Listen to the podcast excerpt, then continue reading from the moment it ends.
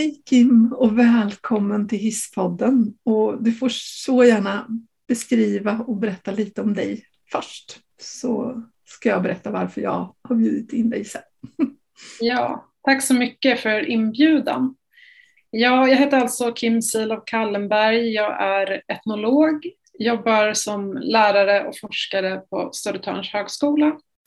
Eh, och jag har under min tid som, som forskare, jag disputerade 2016 på en avhandling om tvångsvård av unga där jag hade observerat och gjort intervjuer med behandlingspersonal på en SIS-institution, alltså Statens institutionsstyrelses, ett av deras särskilda ungdomshem. Eh, och sen efter det så har jag fortsatt att vara intresserad av frågor som har med vård och hälsa och utanförskap, alltså sociala frågor i någon slags bred bemärkelse. Eh, så det har jag ägnat mig åt som forskare och även lärare. Mm. Vi möttes ju i ett sammanhang där vi tillsammans var del av ett par debattartiklar som handlade om framförallt våld och flickors utsatthet på SIS-hem och eh, bristen på metoder och sätt att eh, bemöta det. Men då upptäckte jag att du höll på att skriva en bok som heter Sörjbara liv. Och, eh, alltså, det träffade mig både rakt in i hjärtat men också i eh, hjärnan utifrån mitt yrkesliv. Och jag beställde boken så fort den kom och jag har läst den och jag har läst den långsamt för den har berört mig väldigt mycket. Men jag tänker om du bara skulle beskriva ja, så många ord du vill varför du skrev den. Mm. Ja, nej men den, den handlar alltså om två av mina vänner eh, som eh, för det, det här jag sa först om att jag som forskare har varit intresserad av sociala frågor och sådär.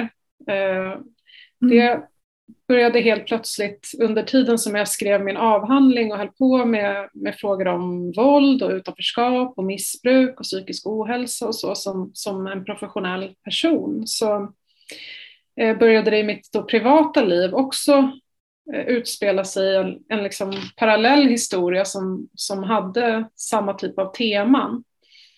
Mm. När jag då först, eh, och det är faktiskt det är lite intressant att du bjöd in mig till just det här datumet som idag är det alltså den 4 november. Mm. Och den 4 november 2013 så dog min vän som jag i den här boken kallar för Marcus.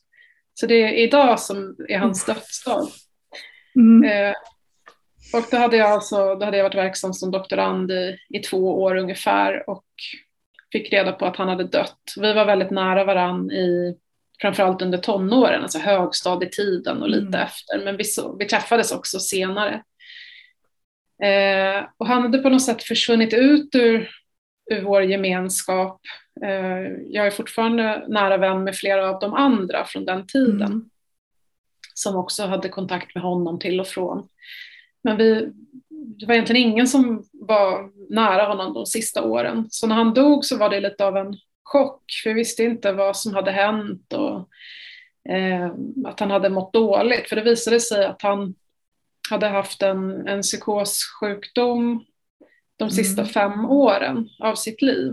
Där han i vissa perioder mått bättre och i vissa perioder var väldigt, eh, sådär, hörde röster och var inlagd eh, inom psykiatrin i långa perioder och sådär. Och sen eh, ungefär ett år efter det här, i januari 2015, så lite drygt ett år senare, då dog mm. också hans, då från tonårstiden, eh, bästa vän, som jag i boken kallar för Noel, av en överdos mm. heroin. Mm. Så samtidigt som jag som forskare höll på med frågor om missbruk och psykisk ohälsa och så, här, så, så dör två av mina barndomsvänner. Och jag såg ju på oss som, som ganska lika varann då. Vi var i samma gäng och vi umgicks och vi, vi var jämlikar på många mm. sätt. Mm, eller hur? Och jag började fundera på hur kunde det bli så här? Hur kunde, vad hände med dem? Och mm. varför hände det dem och inte mig? Eller någon av oss andra. Och, mm. Så det var där någonstans som i samband med att också Noel, som jag kallar honom, dog, att jag började mm. fundera på att nu, jag är forskare, jag har den här kompetensen, det här specialintresset och sen händer det här i mitt liv och då, då kände jag på något sätt, det kanske låter pretentiöst, men jag kände att jag hade något slags ansvar då som Mm. Jag har den här positionen som forskare, som jag har möjlighet, jag har en plattform, jag har en röst. Att också lyfta upp de här fallen, de här personerna mm. och försöka utifrån vad jag kan eh, skildra vad det var som hände och försöka förstå det. Så det var därför jag skrev den här boken. Ja, och det som är så himla fint med den det är ju att den är, alltså man känner grunden i vänskap och man känner också det här viktiga närstående perspektivet som, som så sällan får komma fram. Men också den tyngd det är att luta sig mot forskning och mm. ändå vara så personlig. Så att det liksom, jag sa ju det, det kommer jag säkert att säga flera gånger, men jag tänker för mig tog det, alltså, det tog lång tid att läsa för det, det berör. Och det, mm jag ser ju eh, människor passera förbi som, som jag har mött som inte finns. Och just det här, alltså just döpa den till sörjbara liv. Det, jag tycker det är, alltså, den så stark beskrivning. Hur, hur fångade du den titeln? Ja, ja. Alltså det, det här med sörjbarhet är ett, ett, man kan säga att det är ett filosofiskt begrepp som jag har tagit ifrån eh, Eh, en forskare, och, en genusforskare och filosof som heter Judith Butler som är eh, ganska känd i sitt fält. Eh, och hon har skrivit en, en bok som heter på svenska Krigets ramar. Och den handlar om, hon har gjort en analys av hur, hur blir det möjligt att att föra krig och döda andra människor eller att låta stora befolkningsgrupper svälta. Eh, och då analyserar hon det genom att prata om sörjbarhet, som alltså är ett begrepp för att förstå hur, hur liv värderas i döden. Alltså att vissa liv, eller vissa personers död passerar nästan obemärkt förbi för att, just för att vi inte ser på, på dem som fullvärdiga liv. Och jag har kallat den sörjbara liv även fast mina vänner på många sätt vara i sådana kategorier som blir osörjbara. Alltså vi tänker att ja, men det var bara en knarkare eller det var bara en person, en psykiskt sjuk person och då blir det på något sätt förklarligt att, att den personen dör. Så jag kallade den sörjbara liv just för att visa på att det borde vara så att alla liv är lika sörjbara. Om vi pratar om alla människors lika värde så måste det vara någonting mer än en teori. Det måste vara något som syns i praktiken också.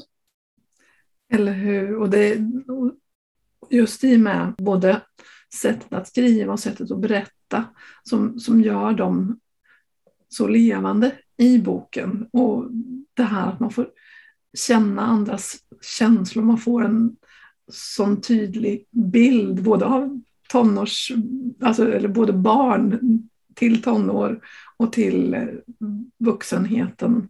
Och det här som du också säger, att ja, men varför var det inte jag? Mm. Vad finns det liksom att undersöka? Jag tänker, det är ju det du gör också, undersöker både utifrån berättelserna men också utifrån eh, det som finns i journaler och det som är skrivet.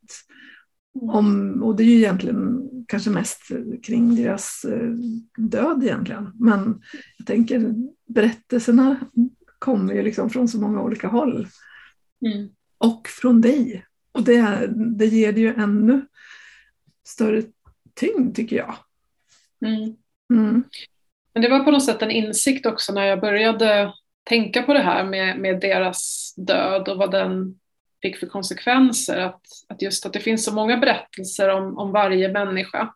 Mm. Även en person som har varit försvunnen liksom från, från gemenskapen på grund av sjukdom i flera år eh, blir sörjd och blir saknad. Och det är liksom som ett, jag har någon, en bild i, i boken om att döden blir som, det blir som ringa på vattnet. Så det, ett enda dödsfall mm. får så stora konsekvenser.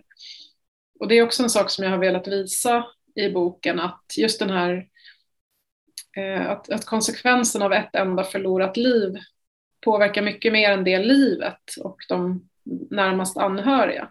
Mm.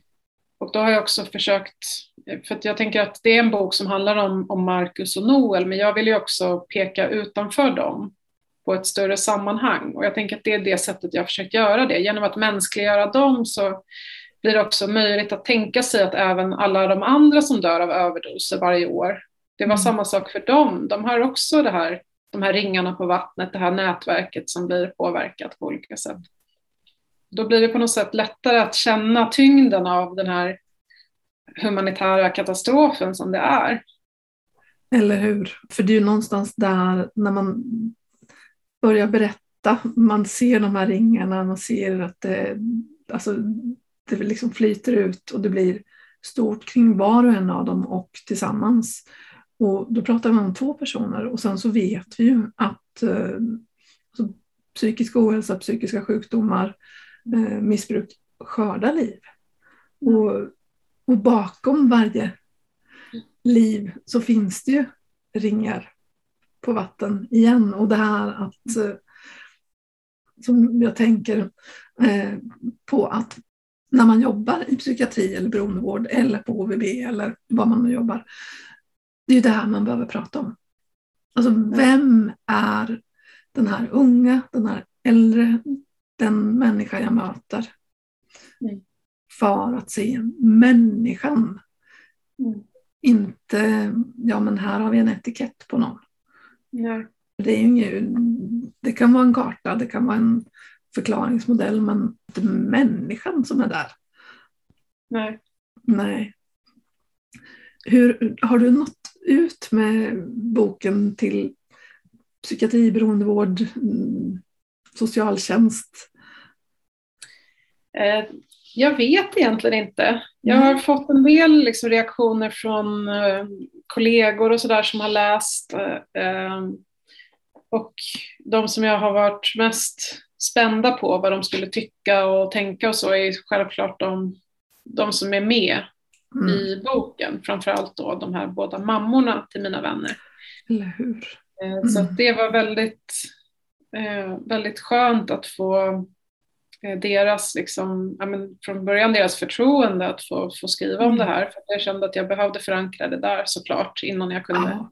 mm. börja. Så det var där jag började i hela projektet. Men också mm. sen efteråt att få, få höra att eh, de känner igen sig i, i berättelsen och de känner sig speglade och de känner att deras barn har gjorts rättvisa i texten. Det tänker jag är det, mm. det har varit det allra viktigaste för mig. Sen hoppas jag att att den ska bli läst um, även i liksom mer ja, specifika sammanhang där de här frågorna mm. är, borde vara mer levande. Jag har skickat en bok till, till X-Kons i Stockholm och lite sådär. Yes. Men uh, ja. Mm. Och det, det är klart, om man kunde tänka att den här boken också fyller precis den funktionen som, jag menar att få en upprättelse för de här mammorna och en beskrivning. Men jag tänker det finns ju så otroligt många mammor eh, och givetvis pappor också. Men eh, det här att få en bok som också kan, kan vara en tröst. Kan vara mm. att någon annan har upplevt det jag upplever eller är rädd för att uppleva. För det är ju inte, ja. det här är ju någonting som man behöver prata om med närstående innan det händer också. Ja. Mm. Och det, det tänker jag att uh, kunna ha den som ett underlag, att kunna öppna upp både för anhöriga men också för profession tänker jag. Mm. Mm. Jag skulle hemskt gärna prata mer i sådana sammanhang. Jag är inbjuden till nästa vecka att prata på, jag är inbjuden av en anhörigkonsulent i, i kommunen där, där jag bor, att mm. prata om om boken och så. Så det tänker jag är ett sånt där tillfälle som skulle kunna nå en del av de som jobbar med frågorna i den kommunen i alla fall. Ja. För det är en sak som har, jag tänker i de här berättelserna från framförallt mammorna så har ju det här verkligen, eh, de sätter ju fingret på bland annat det här med hur olika instanser inte riktigt pratar med varann eller mm. hur det är svårt att få information mellan liksom, kommunen och psykiatrin i regionen och vem ska betala för vad och det här med att falla mellan stolarna mellan olika instanser och att också vara ganska maktlös som anhörig, särskilt till en vuxen person där man inte har rätt att eh, inte få någon information eller ställa några krav eller så. Nej, och där man egentligen skulle kunna gå runt det väldigt mycket. För, alltså, man har ju alltid möjlighet att göra en menprövning och, och tänker man att det här kan rädda en persons liv, det här kan öka möjligheten att ge rätt hjälp, så har vi ju möjligheten att gå förbi just när det gäller beroendevård och psykiatri. Jag tänker det, det här att uh, ingjuta mod också i yrkesverksamma, att det finns resurser i anhöriga. Det gör det. Och att våga ta med dem i behandlingsarbetet. Och, för det är ju det är liksom där man är sin mesta tid. Även om man eh, går och pratar med någon en gång i veckan så är ju det en timme av en vecka. Det, det är mm. inte jättemycket. Utan all annan tid så, så bärs man ju runt av de man har runt omkring sig. Och, mm. och det här att se, se varandra som resurser. Men jag tänker också det här som pågår just nu. 30 november ska ju regeringens eh, uppdrag till samsjuklighetsutredningen vara klar. Men sen så kom det precis nyss ett tilläggsuppdrag som handlar om tvångslagstiftningen så att man liksom samordnar det här mm. Större. Och jag tänker det här är ju en bok som jag tänker att man behöver dela med sig av till den utredningen också. Så jag tror nog att jag ska plocka med den när jag träffar Anders Prins nästa vecka. Ja, men vad roligt. Mm. Eh, för jag tänker det, det är ju också det här att eh, skapa samtalssätt. Och, och, alltså ditt berättande, tillåtandet av känslor och tillåtandet av alltså, vad vänskap ändå betyder i, mm. alltså, i livet för alla på, på olika sätt. Liksom att ta med det in i framtida arbete så man inte hamnar i det här kalla sättet att se. För det här, det här gör, alltså det, det värmer mig och jag tänker att det kommer att göra det för andra också som får förmånen att läsa och fundera och lyssna på dig också tänker jag. Ja. Mm. Fint att höra. Mm. Och det, det är det här som alltså, när man jobbar så letar man ju ofta efter ett sätt att förklara någonting som man, alltså, man kanske kan förstå det men ibland så blir man ju också på, på distans när man jobbar. Att man tänker att det här är någon annan. Ja. Och sen så steppar du in och säger att ja, men jag är forskare, jag har en plattform, jag kan beskriva mina vänner det kan vara till nytta för andra. Och absolut så är det ju så. Och det här, jag tänker på dina andra vänner som är med i boken. Har de kunnat beskriva också vad det här har gjort för dem? Vad, själva att, publiceringen eller så att boken har kommit Att få vara med eh, och berätta tycker jag. Mm. Ja, alltså det var ju flera som, som sa det att Eh, så efter vi hade gjort, i samband med att vi gjorde intervjuerna, det var ofta ganska mm. långa intervjuer, så eftersom vi känner varandra sedan innan så var det ju sådär som att ja, man, det är lite för, man pratar lite först och sen mm är det lite temat och sen hamnar man iväg på något annat och sådär. Så det var ju ofta flera timmar långa så, sessioner och eh, nästan alla, eller jag tror att alla av mina vänner liksom i slutet av det här när vi skulle liksom börja avsluta sa att någonting i stil med att oj, det här, jag hade inte, jag har inte pratat om det här på det här sättet någonsin förut eller jag har inte riktigt varit medveten om hur, hur starkt påverkad jag har blivit av det här. Eh, ett par av dem sa också att alltså, under den perioden vi kanske bokade en intervju och så gick det kanske två veckor eller något innan vi sågs. Mm. Under den perioden att de hade mått ganska dåligt eller varit upptagna av tankar på det här temat. Så att, eh, jag tänker det är ett exempel på att eh, så, så, som vän så kanske man inte tänker att jag borde vara så påverkad av att någon som var min vän för så här pass lång tid sedan har, har dött på det här sättet. Det är liksom inte min, mitt trauma, det är inte min, min berättelse i första hand. Så tror jag att många vänner har tänkt och jag också. Jag har också brottats ja. lite med det här. Ska jag skriva det här och varför ska jag, alltså så. Mm. Men jag har kunnat hålla mig till att ja, men jag är forskare, jag har en möjlighet, jag har en plattform. Mm. Eh, därför ska jag göra det. Så. Men det här att göra anspråk på att vara nära någon, som det ändå innebär att, att berätta dens historia, mm. det kan vara, vara ganska svårt som vän. Ja, för det handlar ju om att ta sig rätten att göra det. Men det är också hur man, hur man gör det. Jag tänker det här med att göra det utifrån vänskap, utifrån att man har växt upp ihop, utifrån att man har gjort massa saker tillsammans och också det här som jag tänker är ett av mina mm, motton när jag jobbar. Jag tänker ofta så här, det skulle precis lika gärna kunna varit jag. Mm.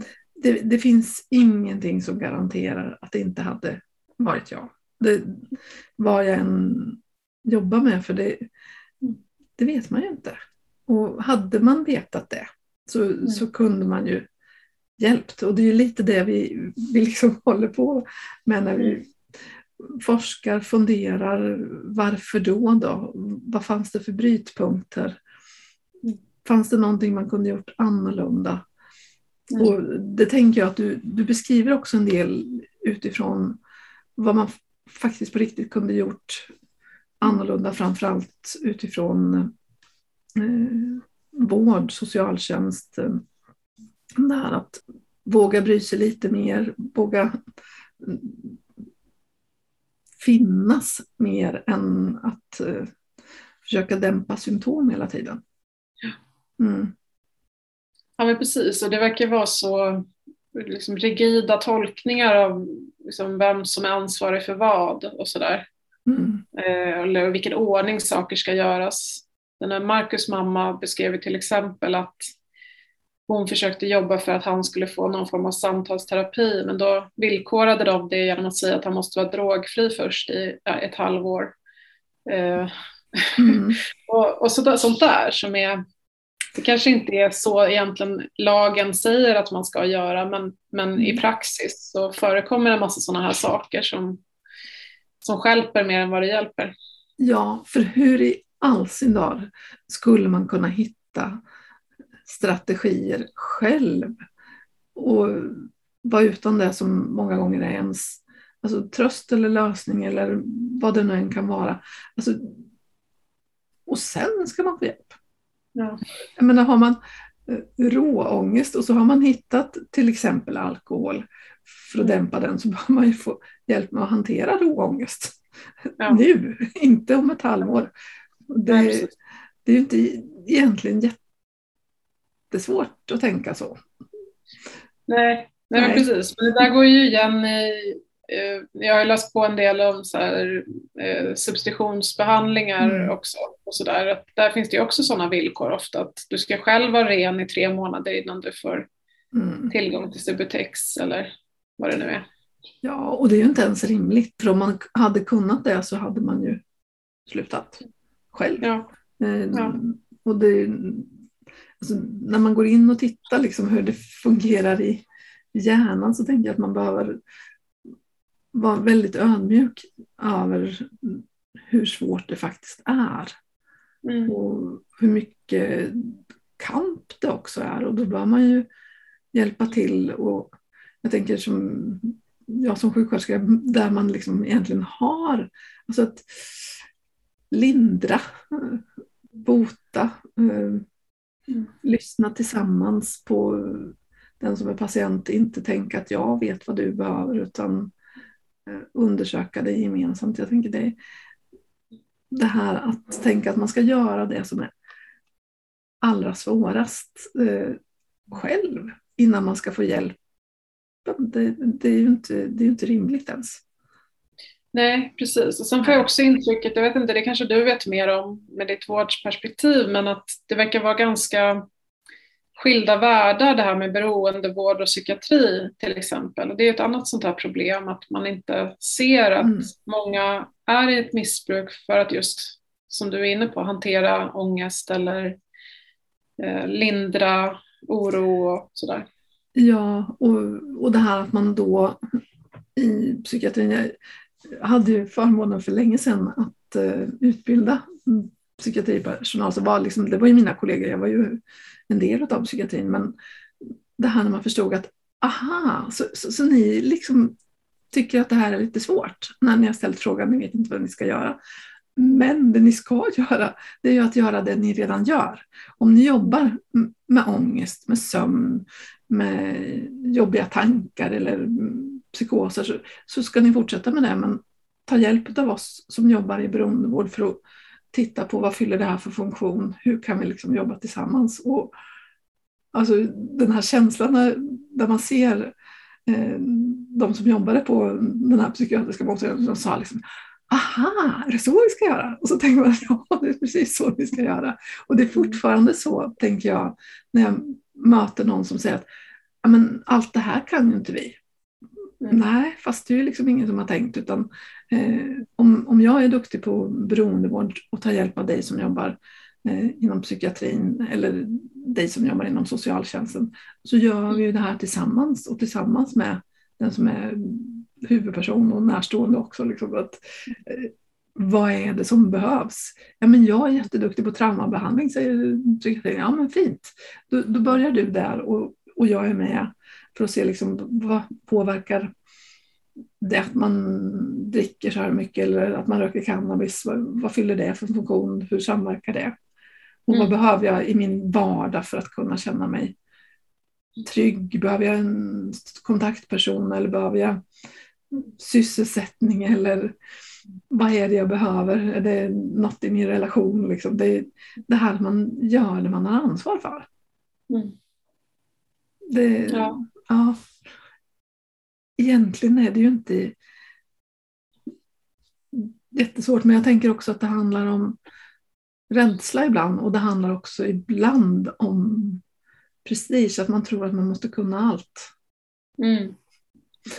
Den, Lite den, om ekonomi skulle jag tro också. Ja, det gör det också. Med olika pengapåsar som ja. man gärna håller i hårt för att mm. hålla sin budget för sin lilla mm. plätt. Och det kanske eh, kan bli så att mm, det blir en budget och då blir det ju lite lättare. Mm. Faktiskt. Det, ja. Om man då verkligen gör eh, det man har ansvar för och kan. Ja. Det, eh, jag ser så mycket fram emot, jag ska ju använda din bok i den kursen som jag håller nu och som jag ska ha fyra omgångar av. Och mm. just det här att eh, ta med eh, det här perspektivet av att få vara människa. Mm. Och att det finns så mycket kunskap att hämta i människans historia och bland vänner och bland närstående. Och det är där mm. man hittar alltså, styrkor. Jag tänker som det här med musikalitet till exempel, liksom att man har alltså, varje människa har ju liksom en unik styrka som, som man behöver få fatt i, för det är den man har att bygga livet utifrån. Liksom. Mm. Precis, så det är det som är så som blir sorgligt att tänka på tänker jag i relation mm. till mina vänner. Att ja. De hade ju så mycket positiva saker också i sitt liv. Mm. Med, de hade ett band tillsammans som var, eh, ja men sådär, fick lite spelningar och de hade en, ja. skulle spela in en demo och lite alltså så. Det var på gång och de var jätteduktiga på sina saker. Eh, och sociala och hade ett stort mm. sammanhang runt sig och så och ändå gick det som det gick. Ja, precis. Och, alltså, när du liksom tittar in i det, kan du se liksom brytpunkter som, som man tänker att men det här skulle man behöva vara mer uppmärksam på när det gäller unga människor? Ja, alltså det finns ju ett område som jag gärna hade eh, utforskat mer som jag inte hade möjlighet eller tid inom ramarna för det här projektet att göra och det är ju skolan. Mm. Vi, när jag pratar med vänner och så till de här två så eh, minns vi ju allihopa hur eh, kanske framförallt Noel var en av de här unga killarna som alltid blev sedda som jobbiga och bråkiga och stökiga och fick sitta i någon liten skrubb med någon 19-årig elevassistent ungefär hela sin skolgång och sådär. Eller hur? Och det där känns ju som något som, det tror jag absolut, åtminstone för honom, var en sån där tid, jag vet inte om man ska säga att det var en brytpunkt, men det var ett område i alla fall där jag tror att man hade kunnat göra betydligt mer för att fånga upp honom och styra om mm. honom i någon riktning och så. För att det där gör ju något med, någons, med ens persons självkänsla och sådär, att misslyckas. Ja. Och att få misslyckas, att tillåtas mm. att misslyckas. Ja, och att inte jobba på lyckanden. Att inte jobba på hur ska du kunna lyckas. Mm. Utan förvisa och alltså sänka känslan av, och det är både värde och självkänsla tänker jag, när man säger att Nej, men du passar inte in här. Vi sätter dig i en skrubb. Ehm, du kommer ändå inte att. Och istället för att säga, men hur i all sin dag skulle vi kunna? Mm. För det finns så många vi egentligen. Mm. Precis. Sen tror jag att båda också hade erfarenheter från när de var ganska små som de nog inte fick tillräcklig hjälp att bearbeta av att ha mm. alkoholism i sin familj eller våld i nära relation och sådana här mm. saker. Ja, men det är också sånt som man ser om man tittar in på det här med ja, men barndomstrauman alltså som, som riskfaktor, mm. som ju är självklart, för har man inte möjligheten att alltså, lugna sig själv, trösta sig själv, ta hand om sina känslor eller alltså, inte kunna ta ansvar för sig så, så har man ju en svårighet med sig från väldigt mm. tidig ålder. Som, mm. jag vet inte riktigt hur det går med det här med skolan som ska jobba eh, traumamedvetet. Men jag tänker att om man faktiskt gör det rakt över i alla professioner som möter inte bara barn utan vuxna också, eh, så skulle man ju nå så mycket längre.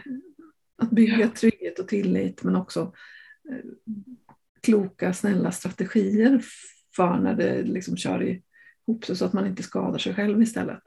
Mm. Det, men eh, ja, vi är inte där än va? Nej, det finns mycket Nej. kvar att göra. Ja. Så vad är nästa projekt för din del nu?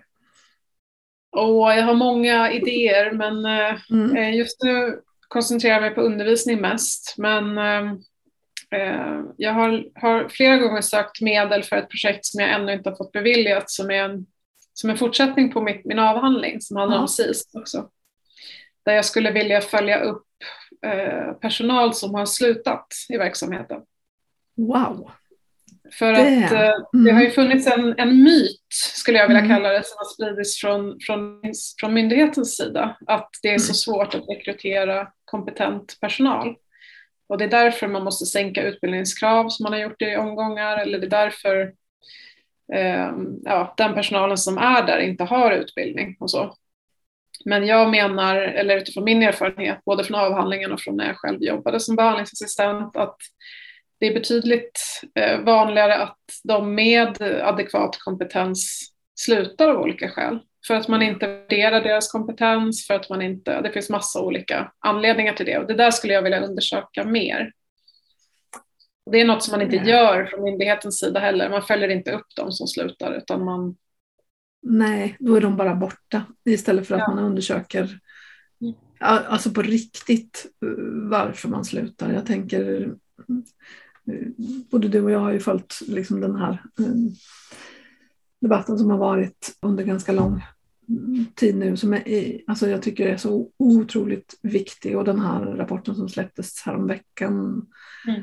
Eh, där man pratar avskiljningar och jag tänker att de som inte står ut i att eh, agera på det här mm. sättet mot sårbara barn klarar ju liksom inte av att jobba kvar och då, då tappar man ju den mm. kompetensen, den empatin, den mm, mänskligheten som, som så väl behövs. Och det mm. behöver vi våga prata om. Så jag tänker att det är ju ett alldeles fantastiskt uppslag som jag hoppas att um, någon hör och tar fasta på och säger att ja. det är klart att du ska uh, göra det här arbetet. För det, det är ju så viktigt. För det, alltså det är barn vi pratar om. Vi pratar om att möta sårbara barn och då behöver vi också ta fatt i hur har vi den allra bästa kompetensen till de som ska göra det. Den är ju inte utbildning, utbildning är inte allt, Nej. men eh, det, får en, mm. tar en en bra bit på vägen. Och mm. jag, jag har ju sånt där från min avhandling, liksom, citat där, mm. där, där behandlingspersonal pratar om att de tio sämsta de någonsin har jobbat med var utbildade socionomer. Alltså det finns ett utbildningsförakt i, ja. i kulturen som jag mm. tror att man behöver göra upp med på olika sätt. Ja visst, och, och förstå vad utbildning ger. Jag menar, det här när man jobbar som, jag menar jag har jobbat så som sjuksköterska utan att, det är klart jag har haft sjuksköterskeutbildning men liksom inte utbildning för, för just uh, arbete inom beroendevård och psykiatri. Och då gör man ju så gott man kan. Men den dagen man kopplar ihop, jag gör så gott jag kan, men alltså ut i praktiken med en teoretisk kunskap och sen förvalta den. Det är ju det, är liksom, det, är det häftigaste. Jag tänker du som utbildar och jag som också utbildar, när man ser att det händer. Jag har jobbat, mm. jag har en erfarenhet, men aj, det här hade jag inte förstått.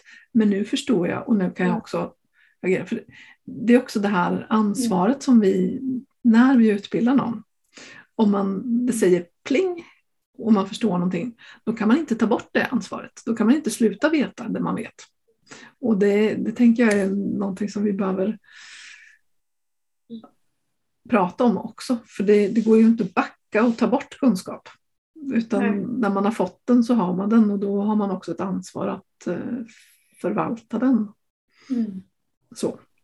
Ja, ja, precis. Men om du skulle skicka med något till de som lyssnar om alltså, vad de skulle kunna fördjupa sig i för att förstå lite mer? Ja, vad skulle det vara?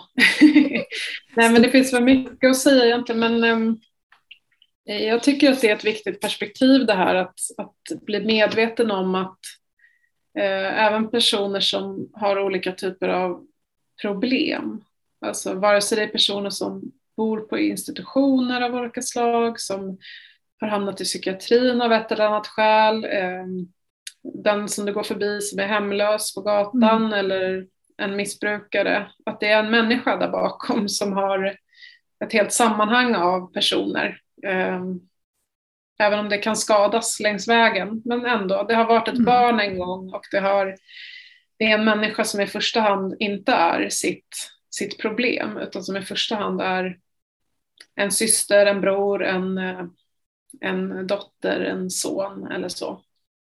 Och en vän. Ja, och en vän. Och jag tänker det här att få läsa en bok om vänskap på det här. Alltså, det är ju smärtsamt och jättevackert samtidigt. Det, jag tänker att det gör någonting med en. Så att, att läsa din bok tänker jag är det jag önskar att alla som jobbar med barn och unga, men också och det här med skola som vi pratade om, men psykiatri, socialtjänst och beroendevård, att man tar sig det modet att våga gå bakom problemet och se människan. Jag tycker det var väldigt, väldigt fint beskrivet. Tack snälla Kim för att du ville vara med. Tack för att jag fick vara med.